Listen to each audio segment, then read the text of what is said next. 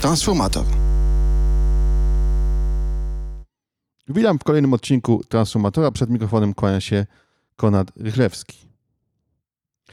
Głównym tematem dzisiejszego odcinka będzie efekt skali, ale tradycyjnie zaczynamy od serwisu informacyjnego. W jednym z poprzednich odcinków mówiłem o nowych technologiach produkcji cementu. Technologiach zmierzających do zmniejszenia śladu węglowego. Pamiętajmy, że ludzkość zużywa około 6 miliardów ton cementu rocznie, a cała produkcja cementu przyczynia się do około 8% łącznych emisji gazów cieplarnianych. Bardziej ekologiczny, bardziej przyjazny klimatowi cement to jednak dopiero początek. Innym podejściem jest zmniejszenie zużycia betonu. I tym zajmują się naukowcy z Uniwersytetu Technicznego w Brunszwiku.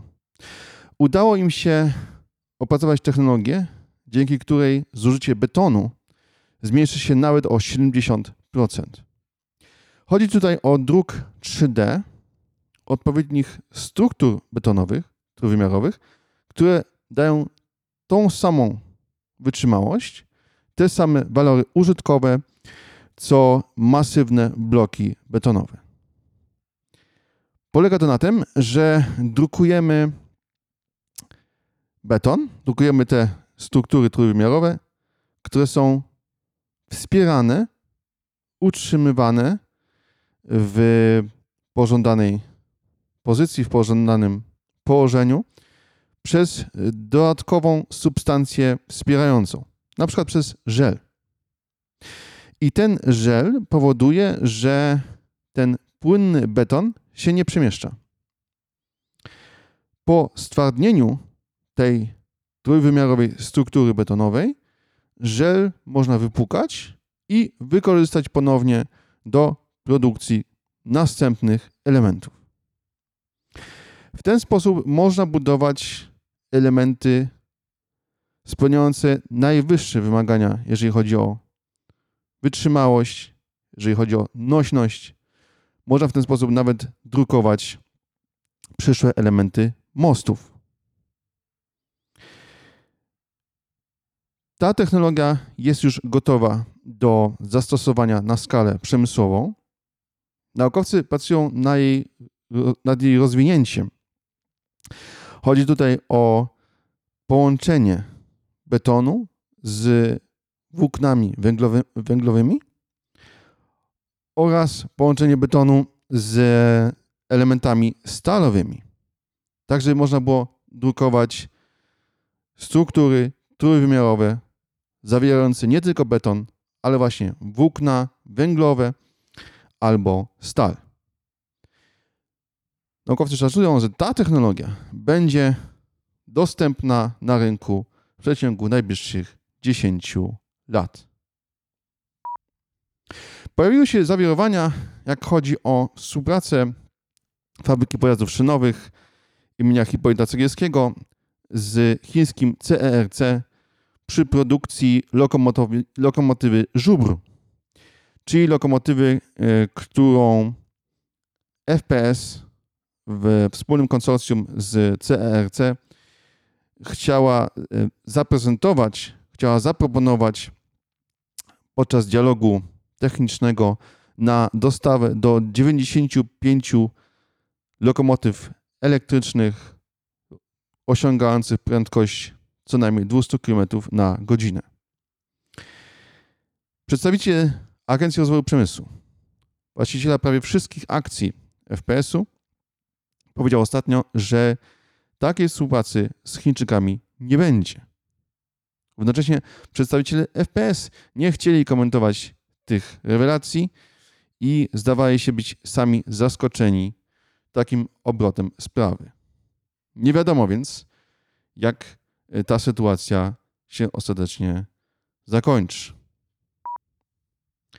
W latach 1998-2017 zdolność Ziemi do odbijania promieni słonecznych zmniejszyła się o 5%.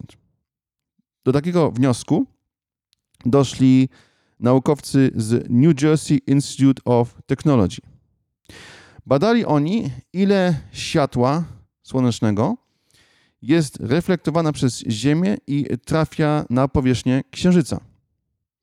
Dzięki temu udało mi się obliczyć, że ta zdolność do odbijania promieni słonecznych spadła o 5%. Jest to o tyle istotne, że im mniej promieniowania słonecznego trafia na Ziemię, tym mniejszy jest też efekt cieplarniany. Więc z punktu widzenia walki z katastrofą klimatyczną, zmniejszenie tej zdolności o 5% jest bardzo problematyczne. Naukowcy twierdzą, że u podstaw tego ubytku leży zmniejszenie się pokrywy chmur nad Pacyfikiem, szczególnie w obszarach niedaleko równika. Przedłużają się odbiory południowej obwodnicy Warszawy.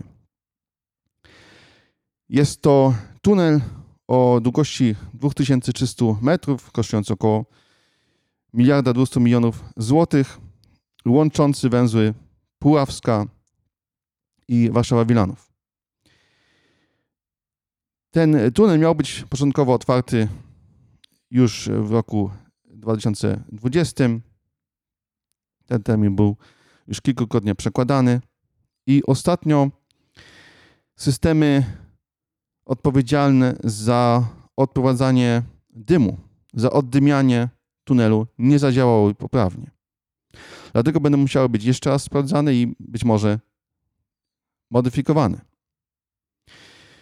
Główna Dyrekcja Dróg Krajowych i Autostrad liczy na to, że tunel ten da się otworzyć jeszcze na jesień tego roku, czyli do połowy grudnia. Przypomnijmy, że tym tunelem dziennie może przejeżdżać nawet 100 tysięcy samochodów.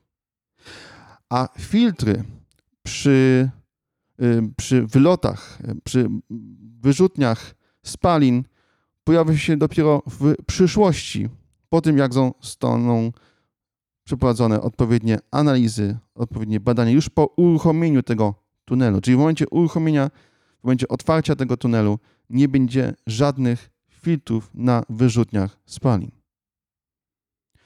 W roku 2000 ponad 80% mieszkańców Ursynowa opowiedziała się przeciwko takiemu przebiegu południowej obwodnicy Warszawy.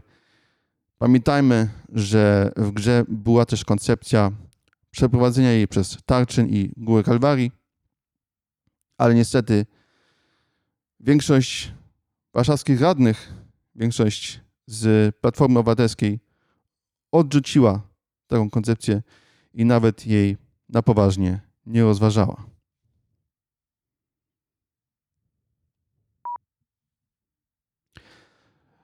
Stadler otrzymał jeden z największych kontaktów w swojej historii. A na pewno największe zamówienie ze strony federalnych kolei szwajcarskich. Zamówienie na łącznie 510 zespołów trakcyjnych. 286 zespołów trakcyjnych to pula gwarantowana, reszta to opcja. Łączne zamówienie może być zrealizowane w ciągu najbliższych 10 lat. Samo zamówienie na, na wariant podstawowy, czyli na te 286 zespołów trakcyjnych ma wartość 2 miliardów franków szwajcarskich, a 75% podzespołów wykorzystanych w produkcji tych zespołów trakcyjnych musi pochodzić od dostawców z Szwajcarii. Daimler siedzieli na Mercedes-Benz Group i na Daimler Truck Holding. Formalnie do tego podziału ma dojść 1 lutego 2022 roku, a do końca 2022 roku Daimler Truck Holding ma trafić na frankfurcką giełdę papierów wartościowych. Przypuszcza się, że od razu trafi do indeksu największych spółek, czyli tak zwanego Deutsche Aktienindex DAX. Podział Daimlera ma służyć koncentracji na jak najbardziej efektywnej transformacji technologicznej związanej z elektryfikacją transportu. Mercedes-Benz Group ma się skupić na napędzie bateryjnym, natomiast Daimler Truck Holding ma kontynuować badania nad napędem również wodorowym. Dodajmy, że na przykład MAN czy Tesla również w segmencie ciągników siodłowych i najcięższych ciężarówek będą stawiać na zasilanie bateryjne. Natomiast Daimler Truck Holding będzie też rozwijał właśnie napęd wodorowy. Generalnie wszystkie pojazdy powyżej 8 ton będą produkowane przez Daimler Truck Holding, natomiast największym pojazdem, najcięższym pojazdem produkowanym jeszcze przez Mercedes-Benz Group będzie Sprinter. Tyle serwis informacyjny na dzisiaj. Więc teraz będzie o głównym temacie, czyli o problemie efektu skali. W północnych Niemczech ruszyła instalacja, pionierska instalacja na skalę światową, produkująca neutralnie, neutralne klimatycznie paliwo lotnicze. To paliwo powstaje z dwutlenku węgla pochodzącego z pobliskiej biogazowni oraz z powietrza i z wody. A cała instalacja zasilana jest z farmy wiatrowej. I gdzie tu się pojawia problem efektu skali? Otóż cała instalacja, mimo tego, że jest to już e, wariant, czy, czy jest to już skala przemysłowa, będzie dziennie produkowała jedną tonę paliwa lotniczego. Dla porównania, samolot Airbus A350 przez godzinę lotu zużywa 5 ton takiego paliwa. Załóżmy więc, że instalacja będzie bardzo wydajna i w ciągu roku wyprodukuje powiedzmy 400 ton. To znaczy, że taki samolot będzie mógł lecieć, y, używając te, tych 400 ton, przez 80 godzin. Nie jest to dużo, przyznają Państwo, ponieważ no, zakładając na przykład taki lot Warszawa-Nowy Jork, Warszawa-Chicago, takie loty trwają najczęściej około 10 godzin, no to oznacza, że to są 4 loty w tą i z powrotem w ciągu roku. Nawet gdybyśmy założyli krótszą trasę, na przykład Warszawa-Dublin, to tych lotów y, nie byłoby 4, ale byłoby powiedzmy 20.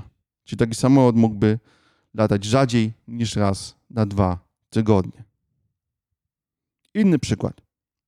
Kilka tygodni temu na Islandii uruchomiono największą instalację gromadzącą czy, czy y, jakby pochłaniającą dwutlenek węgla z atmosfery. Jej wydajność będzie wynosić 4000 ton dwutlenku węgla rocznie.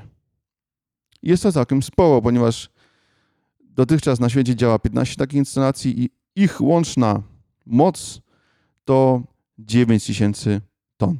A tu jedna instalacja ma wydajność 4000 ton. Tylko, że ludzkość rocznie emituje mniej więcej 32 miliardy ton dwutlenku węgla a tu mówimy o tysiącach ton. Co prawda, amerykański koncern Occidental planuje uruchomienie instalacji o dużo większej wydajności. W Teksasie ma powstać instalacja, która będzie pochłaniać milion ton. ale nawet przy tak ogromnej skali, milion ton to jednak dużo więcej niż 4000, takich instalacji musiało, musiałoby powstać tysiąc, tysiące, żeby w ogóle mieć istotny wpływ na nasz bilans emisji gazów cieplarnianych. Dlatego ani ekologiczne czy neutralne klimatycznie paliwa lotnicze, ani instalacje pochłaniające dwutlenek węgla nie zwolnią nas z obowiązku przejścia y, na gospodarkę o obiegu zamkniętym. Przejścia na zupełnie inny przemysł, ciepłownictwo, transport i energetykę. Takie instalacje mogą jedynie spełniać rolę wspomagającą, uzupełniającą ten główny wysiłek. Oczywiście, jak zwykle, bardzo chętnie, z ogromną przyjemnością poznam Państwa zdanie na tematy poruszane w dzisiejszym odcinku. Dziękuję za uwagę i zachęcam do słuchania kolejnych odcinków Transformatora.